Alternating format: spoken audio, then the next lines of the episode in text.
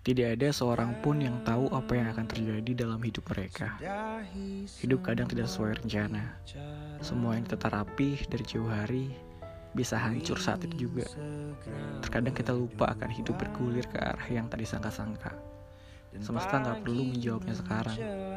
Dunia hanya perlu berputar saja, dan waktu akan tiba dan harus menjawabnya.